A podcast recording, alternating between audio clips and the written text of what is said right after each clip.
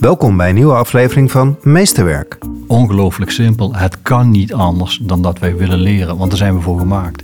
In deze aflevering spreek ik Rob Martens. Kunst, vrijheid en spel hebben enorm veel met elkaar te maken. En mijn stelling is dat daar worden wij mensen in. En het rare is, in het onderwijs lijkt het wel of we heel erg ons best doen om dat uit te zetten. Of in ieder geval te denken, het is niet belangrijk. Rob Martens is hoogleraar onderwijswetenschappen aan de Open Universiteit. Hoe is het mogelijk dat er zoveel leerlingen zijn die niet gemotiveerd zijn of niet optimaal gemotiveerd zijn? Eerder had ik met Rob een podcast over zijn boek We moeten spelen. En nu is het weer tijd om Rob Martens te bezoeken naar aanleiding van zijn nieuwe boek Leerlingen intrinsiek motiveren. Dat we een blinde vlek hebben voor allerlei mechanismes die gebeuren op school en in klassen. Waardoor kinderen zich dom gaan voelen die dat misschien helemaal niet zijn. En de, degenen die beslissen over ons onderwijs zijn de winnaars van het systeem. Mijn naam is Janja Pubeek en dit is Meesterwerk. Welkom Rob in de podcast van Meesterwerk. Dank je, fijn dat ik er weer eens uh, mag zijn. Ja, het was jouw initiatief. Ja. Waarom? Ja, omdat ik, we hebben ooit eerder, enfin we, jij hebt ooit eerder een uh, podcast rond mijn werk gemaakt, rond mijn boek We Moeten Spelen. En uh, zonder dat ik je nu helemaal uh, al meteen op het podium wil hijsen, vond ik dat wel een van de allerleukste waar ik ooit aan mee heb gewerkt. We hebben toen hier op het terrein, waar we nu ook zijn, een soort filosofische wandeling gemaakt die uh, heel wonderlijk bleek te passen bij de inhoud van wat ik wilde vertellen. Ik weet niet of je dat nog kan herinneren. Ik kan het heel goed herinneren. Toen ja. was je boek net uit, We moeten spelen. Ja. En toen hebben we een wandeling gemaakt over spelen. Ja, ja. En eigenlijk is het een beetje het vervolg daarop, of niet? Ja, zeker. Ja, je, je, zou zelfs kunnen zeggen, is het hetzelfde? Nee, het is niet hetzelfde. Maar het is wel het, is, het, is wel het verhaal wat ik graag wil vertellen en waarvan ik vind dat het verteld moet worden. Ja, tussen ons een nieuw boek, hè, Leerlingen intrinsiek motiveren. Ja. Gaan we het zo uitgebreid over hebben. Maar eerst even voor de luisteraar die jou nog niet zo goed kent. Kan jij vertellen, wie ben jij Rob? Ik ben uh, hoogleraar uh, onderwijswetenschappen. Ik werk aan de Open Universiteit hier in... Uh, Nivels uh, heb ik een aantal jaren, kon ik, uh, mocht ik wetenschappelijk directeur zijn. Ja, ik loop al lang mee in het onderwijs en al heel erg lang, ook al voordat ik uh, onderwijspsychologie studeerde, heeft, laten we zeggen, menselijke motivatie en, en, en, en al die processen daaromheen mijn niet aflatende belangstelling. Ja, ik ben een oefend vijftiger om het zo te noemen en dat, dat blijft zo. En dat, dat blijft me fascineren. Hè? De vraag, ja, wat beweegt ons eigenlijk? En bij onderwijs moet je die soms omdraaien. Hoe kan het? Hoe is het mogelijk dat er zoveel leerlingen zijn die niet gemotiveerd zijn of niet optimaal gemotiveerd zijn? En dat blijft me fascineren. Dus daar doe ik onderzoek naar, daar begeleid ik promotieprojecten rondomheen. En daar schrijf ik af en toe over. Dus waaronder die twee boeken. Als je dan eigenlijk naar je eigen opdracht kijkt in het, in het onderwijs, eigenlijk in brede zin, hoe, hoe zou jij je eigen opdracht omschrijven? Wat heb jij te doen? Ja, die heb ik in, in dit boek misschien iets harder en radicaler uh, opgeschreven dan ik ooit eerder gedaan heb. Dus dat is ook de waarschuwing aan de, uh, aan de luisteraars uh, die wil, zouden overwegen het te kopen. Sommige stukken zijn hard en confronterend. De opdracht is denk ik dat ik al heel erg lang het gevoel heb dat er heel veel talent verloren gaat. Dat we mensen uitzetten in plaats van aanzetten. En ik weet dat dat kritisch klinkt en uh, het is nooit mijn bedoeling om, uh, om te beledigen of te zeggen het is allemaal niet goed. Bovendien ben ik zelf onderdeel van dat onderwijssysteem. Maar ja, ik denk dat het, nou ja, bijvoorbeeld een van de dingen die ik in het boek bespreek, maar dan gaan we wel naar de inhoud van het boek, uh, dat genadeloze onderverdelen in hoog en laag, dat dat eigenlijk iets is waarvan ik denk dat we dat niet moeten doen, omdat het niet goed is voor kinderen, voor jonge mensen, voor elfjarigen. En los daarvan dat ik ook denk dat we een blinde vlek hebben voor allerlei mechanismes die gebeuren op school en in klassen. Waardoor kinderen zich dom gaan voelen die dat misschien helemaal niet zijn. Is dit boek eigenlijk het verlengde van je opdracht? Eigenlijk wat er al heel lang in jouw broed net eigenlijk een vervolg op we moeten spelen, waarin ja. dat ook eigenlijk ja, naar voren dit, komt? Ja, dit is echt wat in mij broeit en wat ik ook moet schrijven. Dus het is ook niet. Uh, het klinkt allemaal heel dramatisch. Hè, het moest of ik moest een opdracht doen, dat is het niet. Maar het is wel iets waarvan ik echt vind dat we het erover moeten hebben. En, dat iets waar we over na moeten denken. En dat ja, verklaart misschien ook een beetje ja, de manier waarop het, uh, waarop het geschreven is. Hè. Uh, ik denk iemand die het koopt en die denkt, oh, leerlingen intrinsiek motiveren. En dan eh, krijg ik wat tips en tricks om ze tot het examen te brengen. Ja, en dan begint eigenlijk al vrij snel ehm, dat ik de lezer begin te confronteren met de vraag: Goh, uh, dat hele tijd dat denken in, in input en output, wat we zo volkomen normaal zijn gaan vinden, om, om zo naar kinderen te kijken. alsof het, ik noem het dan vaker, alsof het computers zijn of Excel-sheets. Dat zijn geen neutrale dingen, die doen iets met mensen. En in deze tijd uh, ja, gaat het veel over onveilige omgevingen. En we hebben net, hopelijk is de luisteraar dit over een half jaar vergeten, de Matthijs van Nieuwkerk rel gehad. Het is iets wat steeds meer aandacht krijgt. Misschien wordt het toch tijd dat we met die bril op ook eens kijken naar scholen en ons afvragen, bijvoorbeeld, of je het wel kunt maken om tegen een elfjarig kind te zeggen: uh, Jij gaat naar het lagere. Want als je het hoger hebt, hoger algemeen vormend onderwijs, heb je dus ook iets lagers. En ieder kind weet wat dat betekent, als je dat zegt. En ik ben me steeds meer gaan afvragen of we dat wel veilig kunnen doen, of we dat wel moeten doen, of dat een gezonde, in psychologische termen, een gezonde omgeving is, uh, waarin uh, kinderen echt opbloeien en hun talent ontwikkelen en de, de handicaps of de achterstanden die ze misschien uh, hebben gekregen om allerlei redenen achter zich kunnen laten en tot zichzelf kunnen komen. En ja, je ziet op dit moment ehm, mocht een tijdje geleden aan een uh, artikel in het Algemeen Dagblad meewerken. Dat ging over ja, toch wel verontrustende signalen die je nu ziet bij, bij jonge mensen. Nou, dat wordt natuurlijk met corona in verband gebracht. Maar er wordt toch ook wel gelukkig een groeiende groep die toch met zorgen kijkt naar de druk waar we uh, jonge mensen aan blootstellen. Heb ik het niet alleen over kinderen, maar ook jongvolwassenen in het, bijvoorbeeld in het wetenschappelijk onderwijs. Ja, en ik denk dat het tijd wordt dat uh, mensen uh, bijvoorbeeld gewapend met uh, zo'n zelfdeterminatietheorie in de hand zeggen, goh, wat, wat zegt die theorie nou eigenlijk echt? En als we met, dat, met die bril op eens naar, naar onderwijs kijken en naar de opvattingen die wij hebben, hoe je mensen kan laten leren of het beste uit zichzelf zou kunnen laten halen, ja, doe je dat wel door ze zo enorm onder druk te zetten? Is er niet ook een andere manier niet alleen naar, naar leerlingen en studenten, maar om naar mensen te kijken. En zijn we niet een beetje van het padje geraakt? En zijn we niet een klein beetje uh, iets normaal gaan vinden, wat misschien niet normaal is? Dat is eigenlijk, denk ik, waar het over gaat. Op jonge leeftijd determineren we kinderen en, en sluiten ze op in het verleden, zoals Karen hij eigenlijk heel mooi zei. Ja. Hoog, laag, we doen kinderen tekort. Welk, waar zie jij dat in de maatschappij eigenlijk allemaal terug? Dat we eigenlijk nou ja, gewelddadig met onze jeugd omgaan. Je maakt de ja.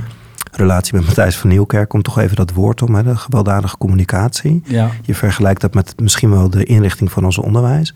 Waarin zie je dat allemaal terug? Waarin zie jij tekenen in onze maatschappij dat we het echt verkeerd doen?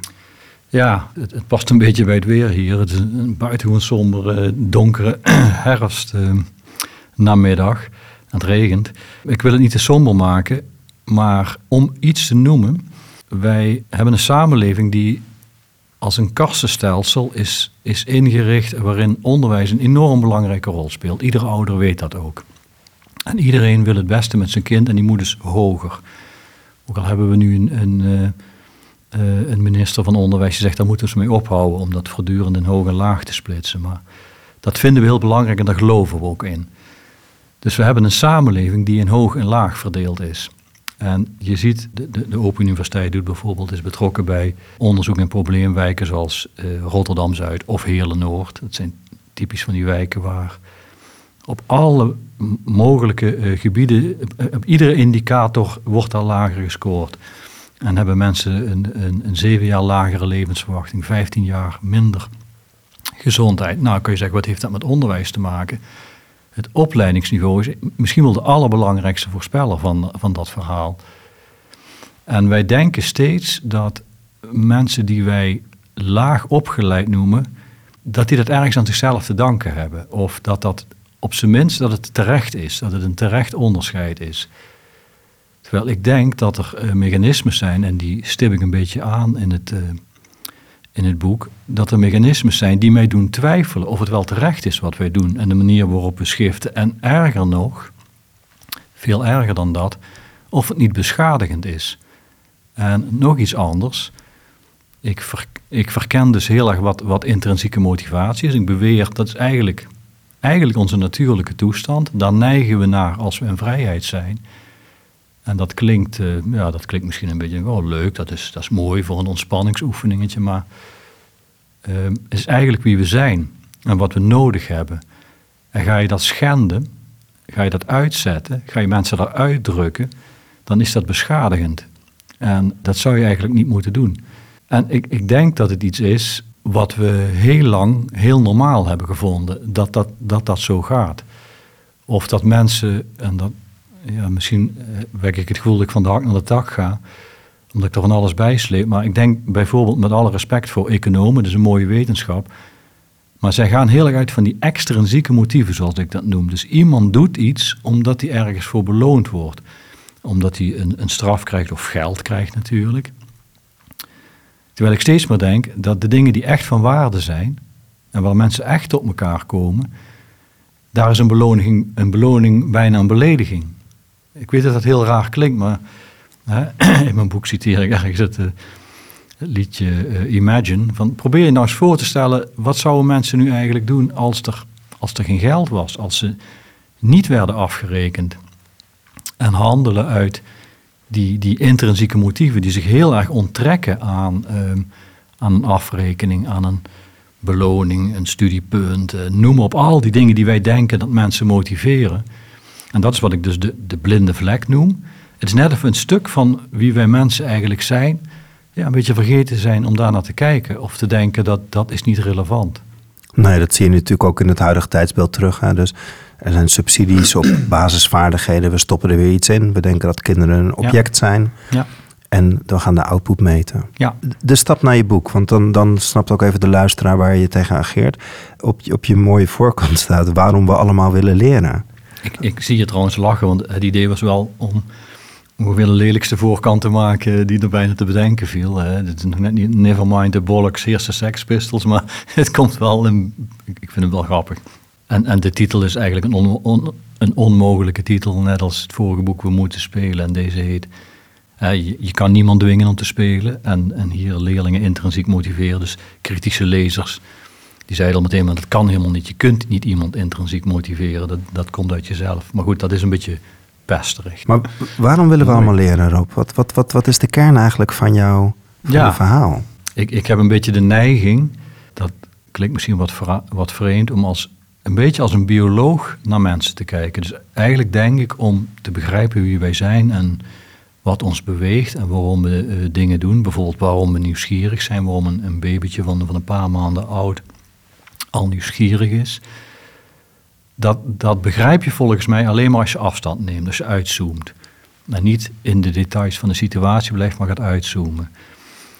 Nou ja, en dan is dus de, de, de, de vraag die je stelt, ja, waarom willen wij eigenlijk leren? Nou ja, dan is het antwoord al heel snel, het zou biologisch gezien echt extreem raar zijn. Wij zouden een totale freaksoort zijn als 20 à 30 procent van onze energie naar ons waanzinnig grote brein gaat en we dat niet zouden willen gebruiken.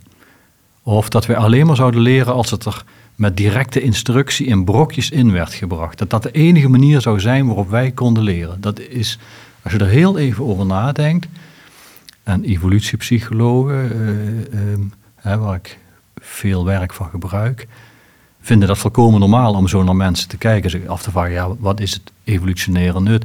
Nou, dan is het antwoord ongelooflijk simpel. Het kan niet anders dan dat wij willen leren, want daar zijn we voor gemaakt. Wij zijn gemaakt om te leren ons te verhouden in een heel complexe uh, samenleving, een waanzinnige hoeveelheid wisselende omstandigheden.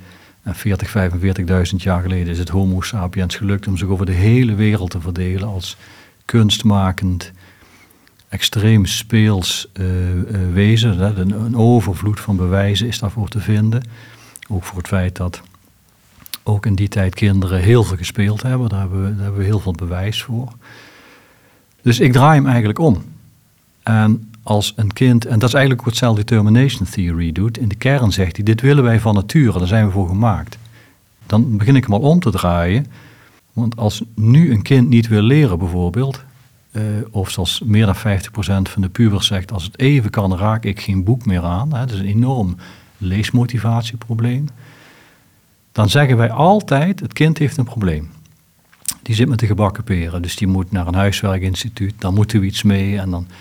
De politiek maakt zich daar vreselijk druk over en zegt, ja, er moeten meer uh, kwaliteitscontroles en we gaan van alles optuigen. Maar ik denk, je zou je de vraag moeten stellen, waarom wil die het eigenlijk niet? Waarom wil die het eigenlijk niet? En waarom heeft bijna ieder kind een hekel aan huiswerk? En als die hekel te groot wordt, dan zeggen we, oh, dat moet geremedieerd worden. Of die moet leren zichzelf te reguleren. Dus het kind heeft een probleem. Terwijl ik denk, als je als een bioloog zou kijken, je zou een vogel hebben die niet wil vliegen, die niet gemotiveerd is om te vliegen. Of een vis die niet wil, uh, die niet wil zwemmen of die, die watervrees heeft. Dan zeg je, dat kan niet, dat is volkomen onlogisch. Dus eigenlijk wat ook in het boek steeds gebeurt, is, is dat spelletje van omkering. En, en, en de redenatie, de kijk 180 graden draaien en zeggen, goh, misschien is het niet het kind wat een probleem heeft, maar de school of het onderwijs. Het is een vriendelijk boek, maar er zit een klein beetje een boze ondertoon in, in die zin. Uh, om een voorbeeld te noemen, de, wij weten al 50 jaar dat het geen pas geeft om op 11-jarige leeftijd kinderen in hoog en laag te verdelen. En dat doen we. En uh, ieder, iedere onderwijscommissie die Nederland bezoekt, die zegt, god, dat is te vroeg, moet je niet doen. En uh, Jos van Kemenade, die ik een beetje heb mogen kennen destijds, uh, die bedacht de middenschool en een, puur uit een politiek, een machiavellistisch gewin is dat afgeschoten destijds. Dat had niets te maken met, die, met dat gedachtegoed. Dus het is nooit echt van de grond gekomen, dat weten we. Nu hebben we een minister die godzijdank weer zegt, goh, we moeten af van dat onderscheid in hoog en laag. We moeten meer onderwijs gaan zien als een waaier. En daar ben ik hartstikke blij mee. Ik vind het ook volkomen terecht dat uh, uh, minister Dijkgraaf het zegt. En tegelijkertijd bekruipt mij het gevoel, dit weten we al 50 jaar. En het zit dus blijkbaar muurvast. En al 50 jaar weten we dat er allerlei dingen zijn. En neem inderdaad ook het proefschrift van, van Karen Heij, die toch in niet mis te verstaande termen die, die CITO-toets, die zo bepalend is voor uitdoen, of we noemen dat dan nu de eindtoets zijn we de doorstroomtoets gaan noemen. Eigenlijk weten we dat al heel lang. En het is net alsof we erbij staan en het, het maar laten gebeuren. En nogmaals, dit, moet je niet zien als kritiek. En het is ook iets waar ik zelf uh, deelgenoot van ben, waar ik ook uh, mijn boterham uh, mee verdien. Maar ik denk wel dat het tijd is dat we het aandurven om ons echt kritisch te bevragen. Wat doen we eigenlijk? En wat voor omgeving hebben wij gecreëerd voor jonge mensen? En hoe vertaalt zich dat in de samenleving. Voilà. En dat is verantwoordelijkheid nemen, denk ik. Ja, je, je noemt nu de eindtoets. Wat, wat, ik een, wat jij in je boek beschrijft is het geboorte-effect.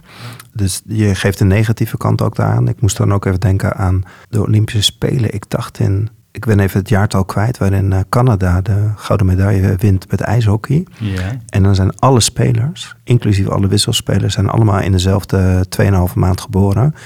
En die schrijver heeft dat uitgezocht. En die zijn van kleins af aan steeds net een paar maanden ouder dan de rest. Worden dan geselecteerd, komen in een beter team, krijgen een betere coach, ja. hè, komen in betere competities. Het heeft eigenlijk helemaal niks meer met de talenten van de, de kinderen alleen te maken, maar ook met de omstandigheden.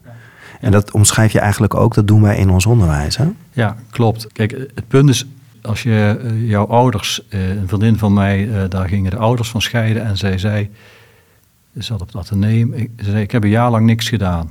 Ik, had helemaal niet in de gaten dat het slecht met me ging, maar ik, ik was eventjes, uh, ik zal maar zeggen, van het padje af. Als je uh, uit een uh, achterstandsmilieu komt, dus een, een, een, scheiding van ouders, zijn allemaal zijn allerlei factoren waarvan wij weten, als je die pech hebt, en dat is gewoon pure pech, dan gebeurt er iets in onderwijs wat ja, Karen Heij in haar mooie proefschrift om, omschreven heeft. Dat je wordt eigenlijk opgesloten in de prestaties uit het verleden. Maar nu kan je steeds denken, ja, maar misschien, die, misschien zijn die kinderen wel niet zo slim. En is het terecht dat ze het niet zo goed doen op de toetsen. En daarvoor heb ik inderdaad dat, uh, dat geboortemaand, of het uh, geboortemaandeffect, oftewel het relative age effect genoemd. En dat doe ik niet omdat ik, dat mijn boek gaat over een soort psychometrische, uh, is, moeten we de CITO-toets anders doen, maar het gaat mij om het, dat ik een effect wil laten zien. Want als er één ding is wat echt volkomen toeval is, dan is het je geboortemaand. Dat, is, hè, dat, dat, dat zie je niet aan de buitenkant. Heeft niets te maken met in welk milieu je komt. Nu weten we, op dit moment, uh, nu wij elkaar spreken, uh, is het, het WK. En voor het boek had ik eens gekeken, de selectie destijds, dus ik denk een klein jaar geleden. Dan zie je, en hetzelfde wat jij noemt met die, dat Canadese team, dan zie je dat er eigenlijk bijna geen enkele speler is uit het laatste kwartaal van het jaar. Dan zeg je, dat, is raar. En het, het, gekke is dus, je ziet bij alle sporten, zie je dat geboortemaandeffect. En als je daar nu even over gaat nadenken, dat is dus wat ik uh, um, probeer, uh, is dat het eigenlijk een heel gemeen effect is. Want wat zie je nou? Als een zesjarige, uh, in de, wat is dat dan, de F's of hoe heet dat, gaat voetballen, en die is relatief jong ten opzichte van de groep waarmee hij vergeleken wordt, dan is die het nadeel. Daar kunnen we ons allemaal iets bij voorstellen, dat is, dat is helder. stel, ik doe een hardloopwedstrijd, ik zet alle zes en tienjarige kinderen alles bij elkaar en ik zeg, degene die wint, die krijgt een taart. Dan zal iedereen zeggen, ja, maar dat is niet eerlijk, want die tienjarige heeft veel meer kans dan de zesjarige. Nou, het geboortemaandeffect laat zien, als je dat binnen een jaar doet, bij jonge kinderen maakt dat heel veel uit. Hè. In Nederland zijn het de augustus-september kinderen, die zijn bijna een jaar jonger dan de kinderen die, eh, laten we zeggen, eh, december. In België ligt het moment ergens anders. Maar de crux is dat dat effect niet verdwijnt. Dat is de crux. Dat is het punt wat ik wil maken. De achterstand die jij hebt, waar je als 6, 7, 8-jarige heel veel last van hebt, maar waarvan je zou zeggen, nou, als je 12, 13 bent, dan is dat verschil wordt natuurlijk steeds minder belangrijk. Maar dat is wat ik wil laten zien. Hey, er gebeurt blijkbaar iets. En dat effect is overal aantoonbaar. Op, op scholen, op VMBO-scholen eh, zitten significant meer kinderen die relatief jong zijn in het onderwijs. In het speciaal onderwijs zie je dat. Maar zelfs ook met, met zelfmoordpercentages uh, zie je het. En steeds is het, het hè, dat cut-off moment wat bepaalt in een sport of, of in, het, in, het, onderwijs of op de, nou, eigenlijk bijna ieder gebied waar we, waar we kijken. Dat bepaalt of jij relatief jong of oud bent in jouw jaargroep.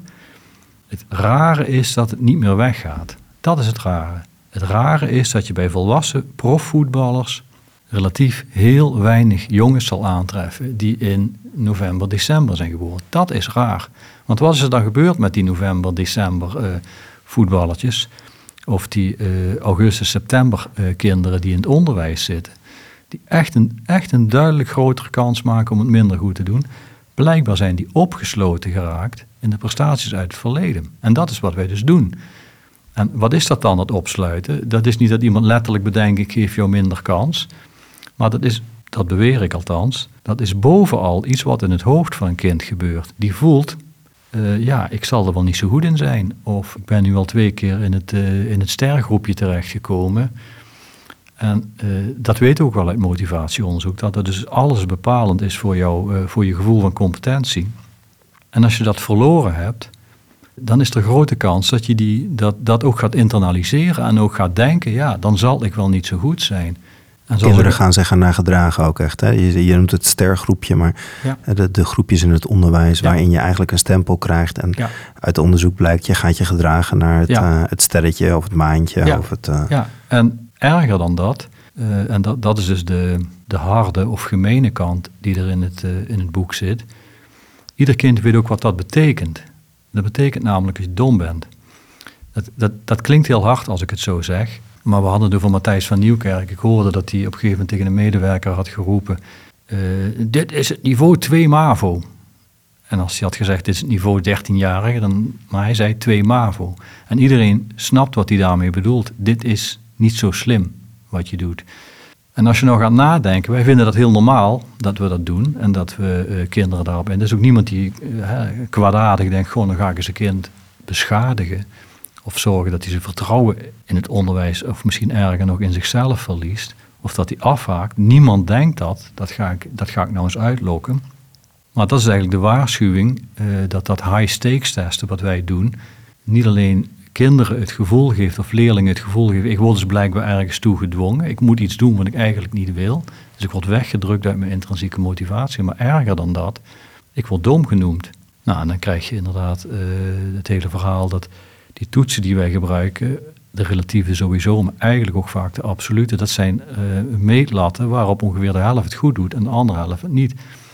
Namelijk, als jij toetsen afneemt die altijd iedereen helemaal uh, slecht of helemaal goed maakt, dan zeg je heel snel, ja, waarom zou ik dan die toets afnemen? Ja, die toets dus je wil, je wil, wij willen dat onze toetsen differentiëren. En nogmaals, ik ben ook absoluut niet tegen toetsen, maar ik waarschuw wel voor het gevaar en het miskennen en het onderschatten van wat we doen met kinderen. En dat het niet normaal is om tegen een tien- of elfjarige te zeggen: Jij zit niet in het hoge groepje.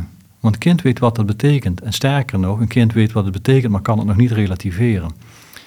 Ja, ik, ik ben bang dat dat beschadigend is. En dat dat die intrinsieke motivatie, wat zo'n fascinerende toestand is, waarvan ik beweer dat die op spel lijkt, waarvan iedere bioloog je zal vertellen, ja, dat heeft met leren te maken. Daar zit echt die openheid en die bereidheid tot leren. Ja, want dat vind ik zo mooi. Dat, dat kwam ook al uh, in je vorige boeken naar voren. Uh, het is ook een van mijn helden geworden, waar, daar wil ik je trouwens nog even voor danken. Want Homo Ludens van Johan Huizinga heb ik ja. echt, echt ademloos ja, uitgelezen. Het is fabelachtig. Het is fabelachtig. Het is oud-Nederlands, ja. maar het, het leest echt als een trein. En ik als dyslect, want mm -hmm. ik deed ook niet altijd even goed in het schoolsysteem, heb echt genoten van het boek. Dus iedereen die luistert, Homo Ludens nou, echt, uh, echt de moeite waard. Je, je, haalt hem weer aan. Wat ik ook zo mooi vind, dat, dat beschrijf je in je vorige boek, dat in de jaren dertig aan de andere kant van de grens in Duitsland kwam het nazisme op. En in diezelfde tijd schreef hij het boek Cultuur is ontstaan uit spel. Hebben we moeten spelen. Hè? Homo ja. ludens, de spelende mens. Eigenlijk geeft hij antwoord tegen een totalitair regime. Ja. Ja. Door de op te roepen, we moeten spelen. Ja, zeker.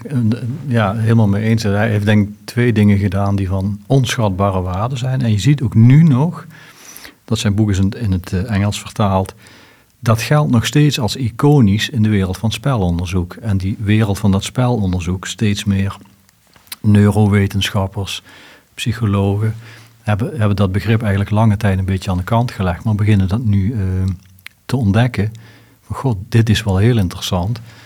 En als alle slimme dieren leren door te spelen, waarom zou dat bij mensen anders zijn? Maar dus wat, wat uh, Huizinga uh, fantastisch gedaan heeft, is laten zien hoe belangrijk het voor ons is. En heel vaak als ik het heb over spel, waarvan ik beweer dat dat enorm in de buurt van intrinsieke motivatie komt, dan beginnen mensen te glimlachen en denken het gaat over kleutertjes. Maar wat Huizinga als eerste, denk ik, heeft laten zien, dat wetenschap niks anders is dan spel, dat toneel niks anders is dan spel, dat volwassenen net zoveel spelen als kinderen en dat wij dus homo ludens zijn. De, de, de, spelende mensen, dat iets is wat voor ons enorm uh, uh, belangrijk is. Wat het niet anders kan of het heeft een functie. En het andere wat hij, uh, denk ik, fantastisch heeft laten zien is wat, wat zijn die centrale kenmerken. En misschien wel het allerbelangrijkste kenmerk is dat hij zegt, ja, het is bevolen spel is geen spel. Je kunt het niet dwingen. En dan kijk je jaren later, komt self-determination theory uh, opzetten. En misschien wel de allerbelangrijkste les daar is ook intrinsieke motivatie, hè, vertaald als een playful mind, kan je niet dwingen. Het heeft autonomie nodig. Met andere woorden, die autonomie. Vaak wordt aan mij gevraagd: ja, Rob, kom eens wat tips en tricks vertellen zodat ze het eindexamen halen. En wat ik eigenlijk uh, benadruk, dat gaat veel verder. Die behoefte aan vrijheid. Je, je maakt dan later vergelijking uh, Huizinga afgezet tegen dat opkomend nazisme. Waar hij trouwens in een vroeg stadium in Leiden destijds. Maar ook echt voor waarschuwde. Het heeft heel veel met vrijheid te maken. Spel heeft heel veel met vrijheid te maken. En het is geen toeval dat de vrouwen die nu, uh, en ik vind het zo'n heldin, en uh, in Iran en de voetballers die weigeren het volkslied te zingen en die daar heel veel gezeik mee gaan krijgen. Dat, dat weet je nu al. Dat ze dansen en hun haren uh, losgooien. Kunst, vrijheid en spel hebben enorm veel met elkaar te maken. En mijn stelling is dat daar worden wij mensen in. En het rare is, in het onderwijs lijkt het wel of we heel erg ons best doen om dat uit te zetten. Of in ieder geval te denken, het is niet belangrijk de hele tijd komt in mijn hoofd op de zin... The road to hell is paved with good intentions. Je noemde het uh, Daisy Ryan. De, uh, ik heb de afgelopen 16 jaar in de lerarenopleiding gezeten. En ik zat veel bij, bij eindpresentaties. En nou, ik zal niet zeggen 9 van de 10, maar 8 van de 10 studenten met een eindpresentatie haalden altijd intrinsieke motivatie aan. Ja. als je aan het begin van de opleiding kwam, wilden de toekomstige leerkrachten wilden van betekenis zijn voor het kind. En aan het eind van de opleiding waren ze helemaal, hè, altijd door intrinsieke motivatie, altijd Daisy en Ryan, stond altijd ergens op de eerste of de tweede sheet. Ja. En tegelijkertijd zien we in ons onderwijs, dat zijn dezelfde mensen, we doen het met elkaar. Jij zegt ook, ik werk in het onderwijs. Ja. Ik snap het niet, Rob. Hoe kan, hoe kan het zo ontsporen? Ja, kijk, uh, ik, ik, ben altijd bang voor, voor harde woorden als ontsporen. Maar ik denk eigenlijk wel dat dat, dat is wat er uh, gebeurt. En dat het tijd wordt dat we dat echt eens onder ogen durven te zien. En te begrijpen inderdaad wat gebeurt. Het klopt wat je zegt. Uh, ik, ik, geef dus zelf ook onderwijs in de master onderwijswetenschappen. En het is een enorm populair onderwerp. En self-determination theory is de belangrijkste psychologische theorie die er is. Dat durf ik wel te zeggen. Kan je me even duiden voor degene die hem ja, wellicht niet kent? Ja, dat, ja, het is een motivatietheorie die eigenlijk heel, heel kort gezegd uh, stelt... Uh, je hebt niet alleen een soort kwantitatief verschil in motivatie. Je kan iets graag doen of met veel overgave doen. Of je kan het niet doen. Maar die zegt je hebt ook een kwalitatief verschil. Nou, en het onderscheid wat daarbij gemaakt was... je hebt meer de gecontroleerde motivatievormen en de uh, meer autonome motivatievorm. En dat is eigenlijk het hart van de theorie. En waarom? De theorie komt een beetje uit uh, de wereld van het onderwijs en leren. Dus dat, dat is waar Ryan en Daisy naar, naar keken. Nu wordt hij op, op heel veel gebieden ingezet. Maar daar komt hij vandaan. Waarom komt hij daar vandaan? Omdat we uit heel veel onderzoek weten dat als je in die, in die intrinsieke motivatie zit, uh, dat leren veel beter gaat. Als je iets in, dat snap je, dat voel je ook aan. Hè? Als, je, als je dit interessant vindt, dit gesprek, hoeft eigenlijk niemand je te dwingen te luisteren. Dat wil je zelf. Zo eindig je je boek ook, hè? Van als je het, eh, een van je laatste zinnen is, als je hier gekomen bent, dan ben je hier vrijwillig gekomen. Ja, ja, ja, goed, dat kan ik al uh, verklappen. Het boek begint met de zin, is dit boek verplicht? En het eindigt met, met de zin, dit boek was niet verplicht. Het feit dat je hier bent gekomen, betekent dat je het interessant vond. Die toestand is dus zo interessant, omdat we weten dat uh, leerlingen of kinderen of studenten die in de intrinsieke motivatie zitten, veel beter leren, veel minder uitval hebben, zich gelukkiger voelen. Nou, alles, vooral diepgaander leren, meer exploreren, meer verbeelden, eigenlijk hun verstand gebruiken. Dus als ik tegen een leerling zeg, je moet een boek lezen, maakt het heel veel uit of, die, of dat kind dat echt graag wil en leuk vindt en daardoor gegrepen wordt, of dat hij denkt, hoe kom ik hier met een minimum moeite vanaf. Dat is eigenlijk de crux van de theorie. En wat is het andere punt? Je ziet hoe makkelijk die theorie is. heb je echt in een minuut uitgelegd. Om nou te schuiven van die gecontroleerde vormen naar die intrinsieke vorm, uh, heb je eigenlijk drie dingen nodig. De theorie zegt eigenlijk, kinderen, mensen zijn van nature intrinsiek gemotiveerd. Dat is een toestand waar wij vanzelf naartoe gaan. Net als ziehuizen gaan, eigenlijk zegt hij hetzelfde. Dat is iets wat we van nature leuk vinden en graag uh, doen. Nou, om dan niet, om daaruit weggedrukt te worden, dat gebeurt als je je vrijheid verliest. Dus het gevoel uh, verliest uh, dat je daar zelf voor kan kiezen. De luisteraar heeft denk ik hopelijk het, het gevoel, nou ik luister gewoon naar deze meesterwerk podcast omdat ik hem interessant vind. En niet omdat ik iemand mij dwingt dat ik daarna moet luisteren. Dwingt iemand jou om hier naar te luisteren en zegt hij tegen, denk erom, dadelijk komt er een proefwerk en dan of een examen en, al die onsamenhangende dingen die uh, uh, Martens en Hubeek bespreken, dan moet jij dadelijk een proefwerk uh, over maken. En dan voel je denk ik al in je hoofd, hé, hey, er verandert iets. En dat, dat noemen we dan de meer gecontroleerde vorm van motivatie. Dus die vrijheid, dat je zelf mag kiezen om iets te doen, is heel belangrijk. En daarnaast hebben we een gevoel van sociale verbondenheid en een gevoel van, van competentie. En nou goed, daar valt meer over te zeggen. Maar dat zijn de drie basic psychological needs. En die heb je nodig om in die toestand te komen waar wij mensen, als we bij wijze van spreken vrij zijn, uh, in terechtkomen. En dan beginnen de problemen. Dan beginnen de problemen, want als je dat weet, en zoals je zegt, die theorie is, is heel populair onder uh, uh, veel studenten, onderwijswetenschap of mensen van Pabo. Maar als je dan, hè, op een bepaald moment vraag ik me af in, in mijn boek, je hebt uh, die, die, die drie principes, dus gevoel van competentie, uh, uh, vrijheid en sociale verbondenheid, die lijken heel veel op de principes van de Franse revolutie. liberté, égalité, fraternité, dus liberté, vrijheid. Dan betoog ik dat competence en gelijkwaardigheid, egalité, dicht bij elkaar in de buurt zitten. Ja, je voelt je niet competent Als jij de hele tijd te horen krijgt dat je laag bent, niet slim, dan ben je niet gelijkwaardig, want wij, hè, dus dat. En dan hebben we nog sociale verbondenheid. Je kunt je afvragen hoe sociaal verbonden je bent als je het idee hebt dat je de hele dag ergens naartoe moet waar je dingen moet doen of moet luisteren naar mensen waar je niet naar wil luisteren. En als je eigenlijk in een onderlinge competitie zit. Dus met andere woorden, ik stel me de vraag, zou nou zo'n school, een gemiddelde school, dat bordje vrijheid, gelijkheid en boterschap boven de deur mogen hangen? Mag dat? Zou dat kunnen? En dan vrees ik dat we, dat we daar zorgen over moeten hebben om misschien de belangrijkste te pakken, dat is vrijheid. Nou, je weet, we hebben de ene curriculumcommissie naar de andere. En, en leerlingen geven aan, hij ziet iedere uh, LAX-monitor uh, ieder jaar. Ja, we hebben helemaal niks te kiezen. Het wordt ons precies verteld wat we moeten doen. En er is altijd die druk hoger opkomen. En iedereen kent wel die havist, een jongen die op de HAVO zit en die eigenlijk iets wil maken of iets met techniek of met, met games bezig wil zijn.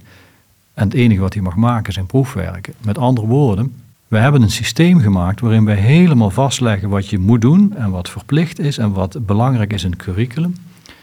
En dat is natuurlijk, dat is een, dat is in wezen natuurlijk ook een belangenstrijd. Want ik als psycholoog heb nooit begrepen waarom psychologie geen vak is hoor, in het uh, voortgezet onderwijs. En ik vroeg dat aan iemand die in die commissie, uh, die curriculumcommissie gezeten had.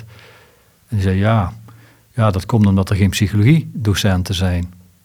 Dus er is ook niemand die het belang van het vak psychologie verdedigt. Er zijn wel economiedocenten, dus dat vak zit erin tot de lengte van dagen. Er is niks mis met economie, begrijp me niet verkeerd. Er is ook niet per se iets mis met die inhoud. Maar vrijheid? Nee, we, we vertrekken niet vanuit de intentie, hè? Nee. Dus voilà, en dat, dat is een, iets wat wij normaal zijn gaan vinden met z'n allen. En waar als je goed kijkt naar de geschiedenis van de onderwijsvernieuwing eigenlijk iedere onderwijsvernieuwer tegenaan loopt. Of die, niet iedere onderwijsvernieuwer noemt expliciet die term als intrinsieke motivatie of behoefte aan, uh, aan, aan uh, vrijheid.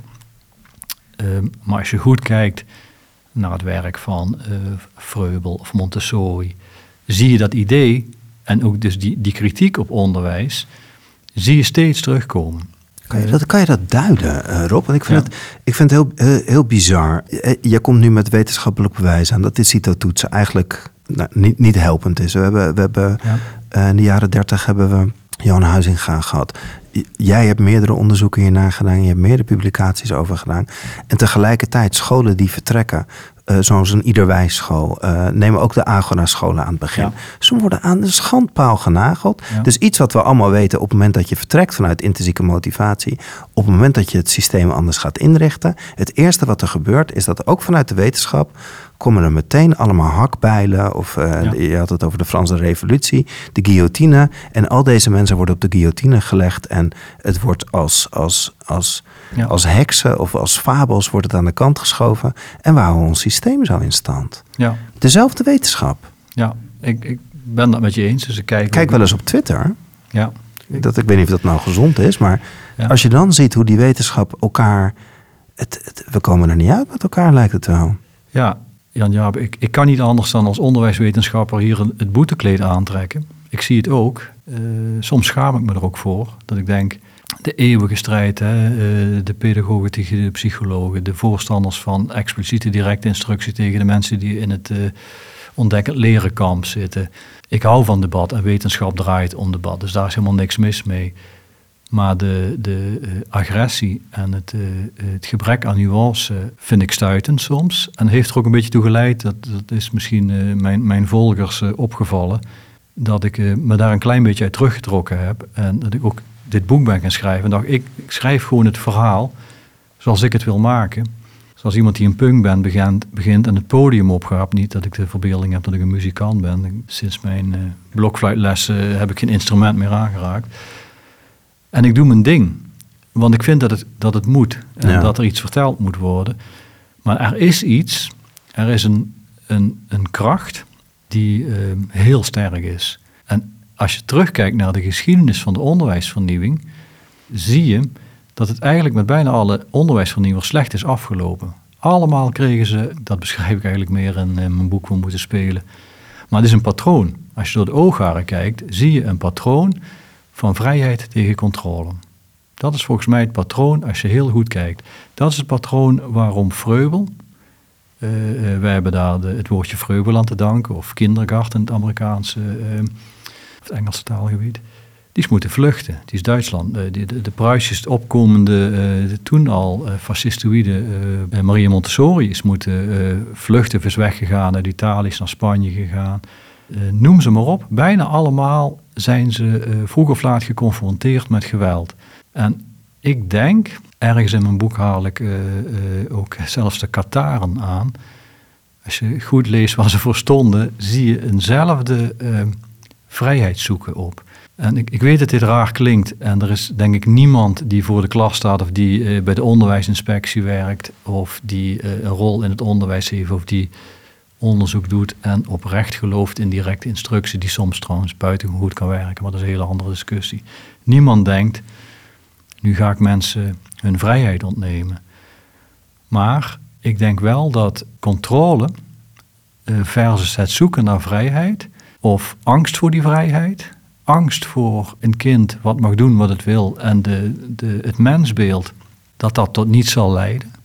Kinderen niet van nature leren. Dus wat, ik eigenlijk, mijn pleidooi is ook durf wat meer vertrouwen te hebben. En als een kind wil schommelen een dag lang, moet je niet direct afvragen wat, wat, wat de functie van die schommel is, of waar het voor zou kunnen dienen, of welk dingetje zich zou kunnen ontwikkelen, of wat de output is. Want mijn stelling is, menselijk leren, uh, zowel op sociaal vlak, sociaal ontwikkelen, als laten we zeggen de cognitieve lerende kant, is zo onvoorstelbaar complex, zoveel complexer dan, we, dan wij denken, dat je dat nauwelijks kan begrijpen. Ik weet dat dat heel raar klinkt.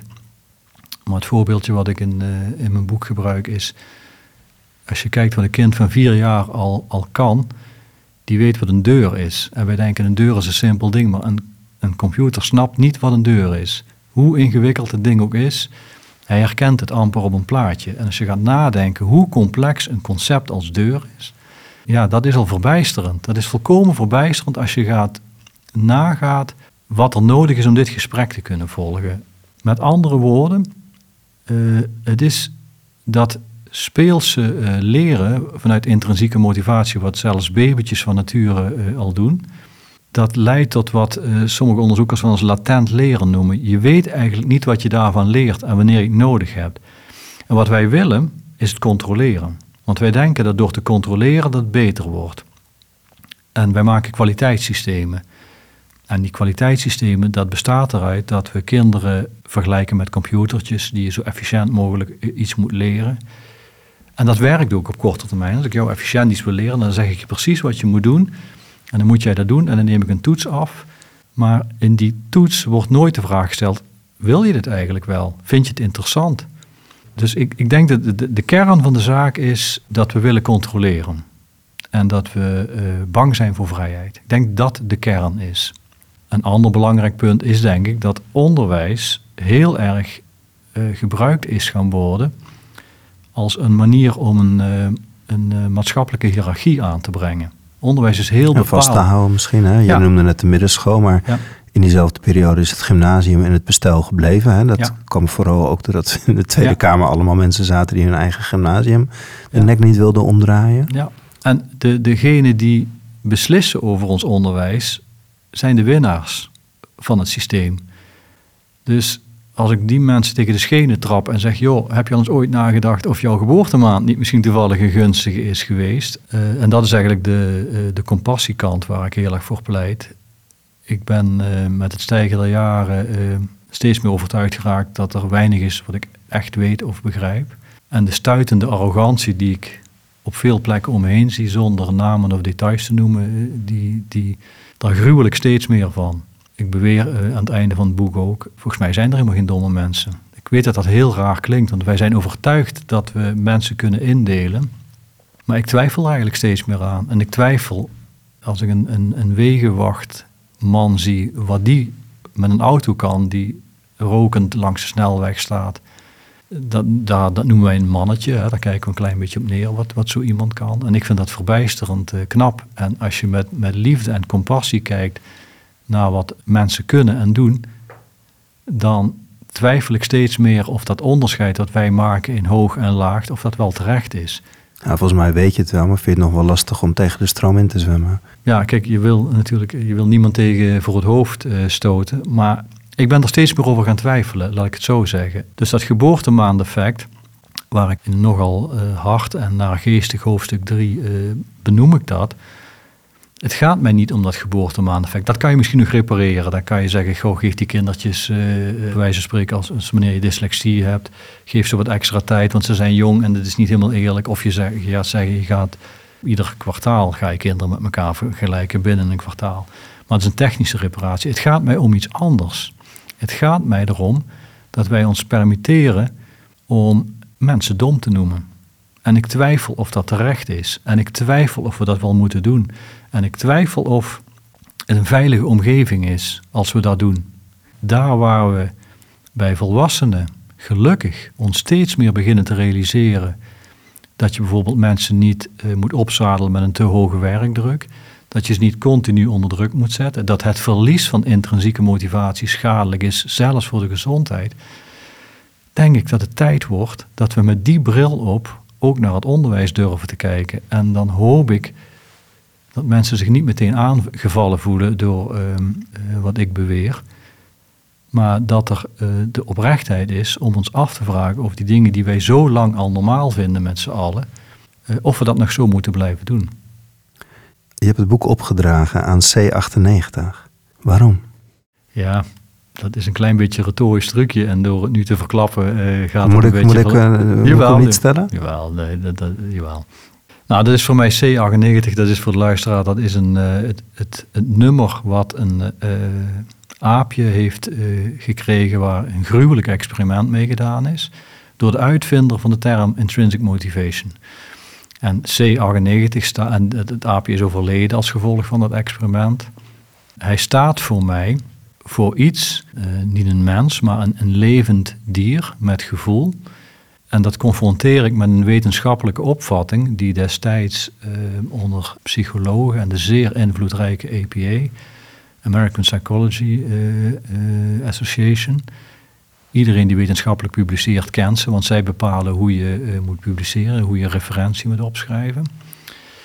Daar is een beeld ontstaan om op een manier naar mensen te kijken waarin je hun beschouwt als input-output dingen. Je stopt er iets in en er komt iets uit. En het is onwetenschappelijk om je te verplaatsen in de gevoelens van iemand. Dit is allemaal zwart-wit en gechargeerd, maar dus die, die C98 die blijft in dat boek terugkeren als de personificatie, uh, als een, een, een, een, een, een jong aapje wat op een gruwelijke manier op zijn einde is gekomen in een psychologisch experiment.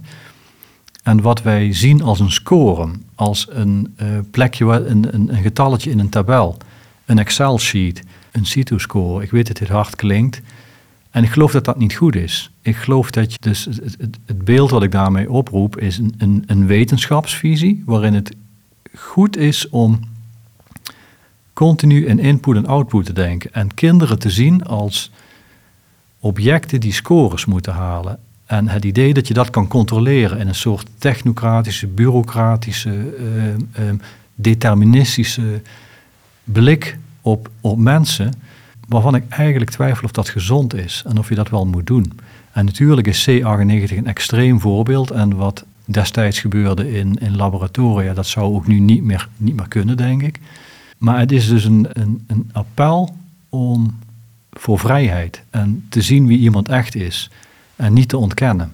Op het moment dat je kinderen beginnen te voelen wat ik zelf wil of wat ik belangrijk vind, dat doet er eigenlijk niet toe. Want ik moet die toets halen, dat is de omgeving waar ik hierin zit.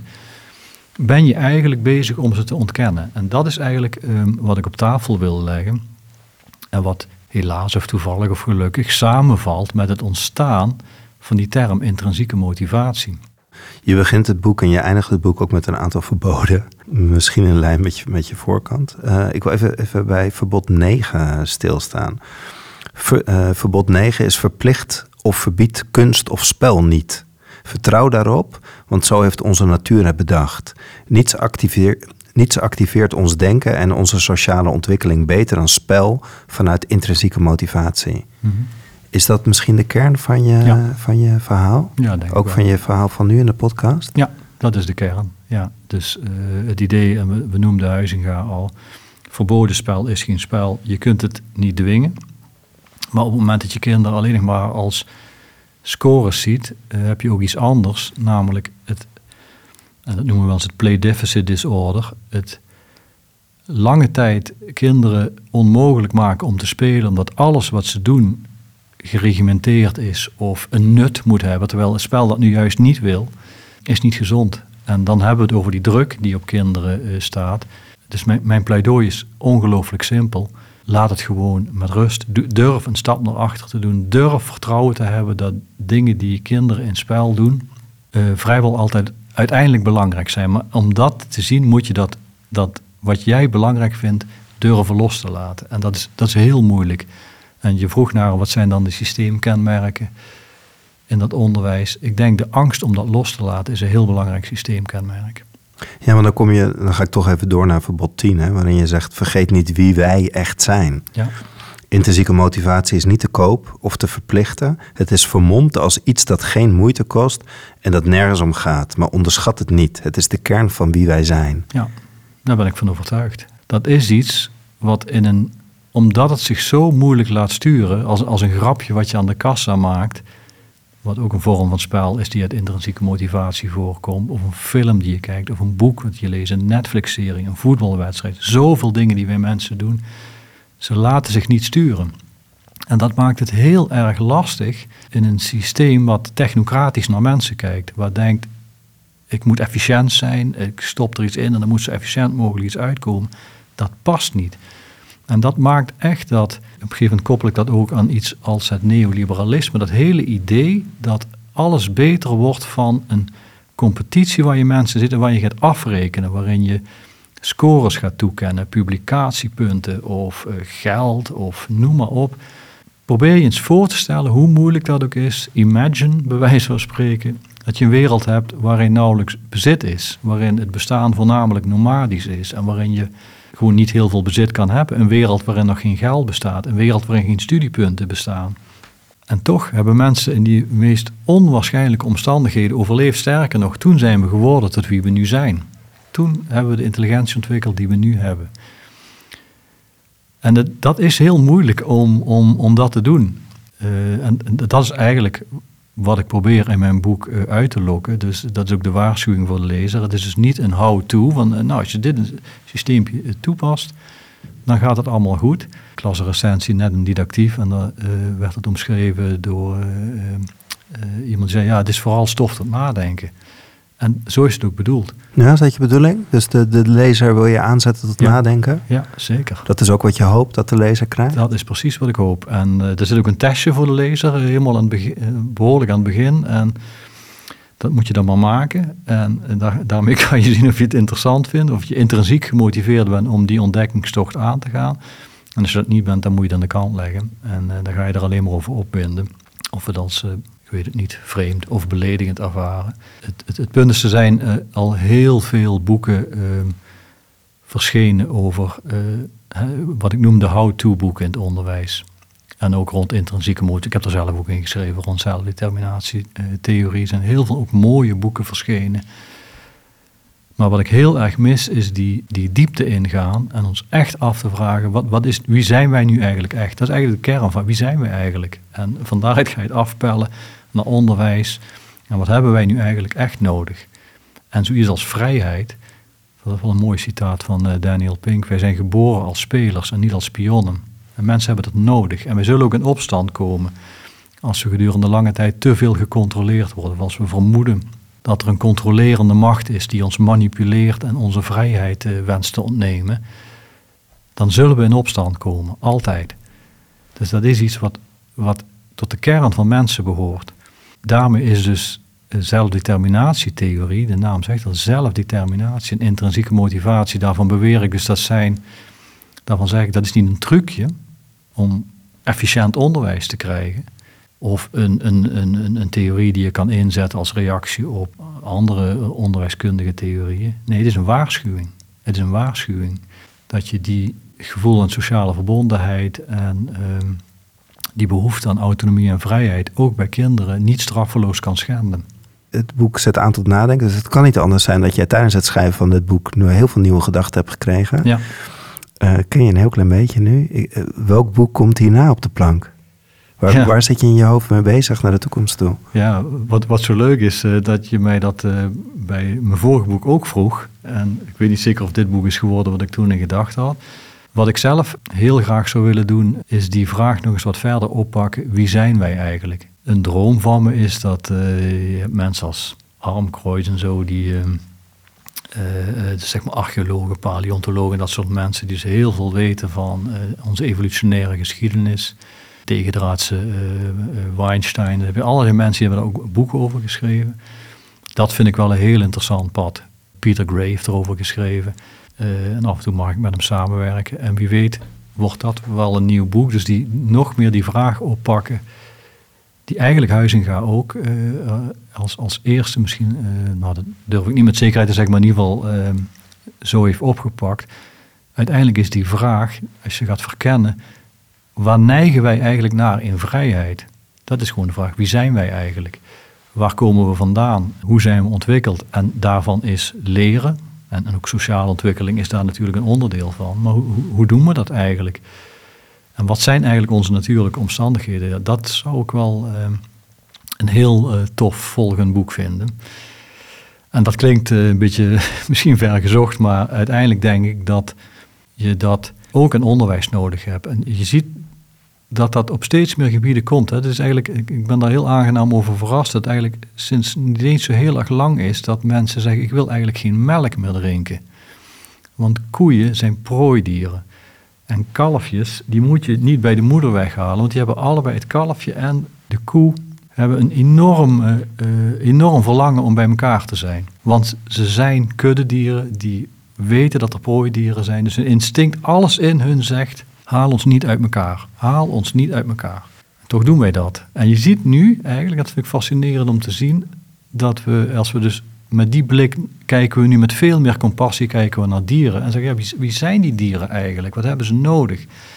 En als je dan kijkt bijvoorbeeld naar um, drie sterren vlees koopt, hè, dus, uh, met, met, drie sterren, en je kijkt wat, wat wat vinden wij dan dat een dier nodig heeft? Dan vind ik het heel grappig om te zien, uh, als je die criteria opzoekt. Dat is dan bijvoorbeeld, ze hebben uh, behoefte aan speelruimte, speeltjes in, uh, in de omgeving. Ze moeten naar buiten kunnen, ze moeten bewegingsruimte hebben. En misschien moeten we dat ook eens doen bij, bij leerlingen en bij mensen. Wie zijn wij eigenlijk? Wat hebben we eigenlijk nodig? Is het normaal dat we de hele dag binnen stilzitten, wat we toch zoveel verlangen van kinderen? Is dat eigenlijk wel waar ze voor gemaakt zijn? Ja, wat ik benoemde, die, uh, dat verlies aan intrinsieke motivatie, moeten we dat accepteren met z'n allen? Nee, ik denk het niet. Nou, het antwoord daarop ligt zonder enige twijfel in, in, onze evolutionaire geschiedenis. Dat is de plek waar iedere bioloog uh, of evolutiepsycholoog zal kijken om te begrijpen wie wij zijn. Dus ik zou het ontzettend tof vinden mocht een van de luisteraars daar echt heel veel verstand van hebben om daar eens een boek over te maken. Hoe zit dat precies in elkaar? Dus, nou, dat is er een. Dankjewel Rob. Dankjewel voor een mooi nieuw boek. Ik heb met plezier gelezen. Dankjewel dat je graag voor de microfoon wilde komen. En, uh, Heel graag. We komen elkaar weer tegen bij het volgende boek. Afgesproken. Dankjewel Rob. Mhm. Meer podcastafleveringen van Meesterwerk zijn te beluisteren via Spotify, iTunes, Soundcloud of kijk op janjapubeek.nl.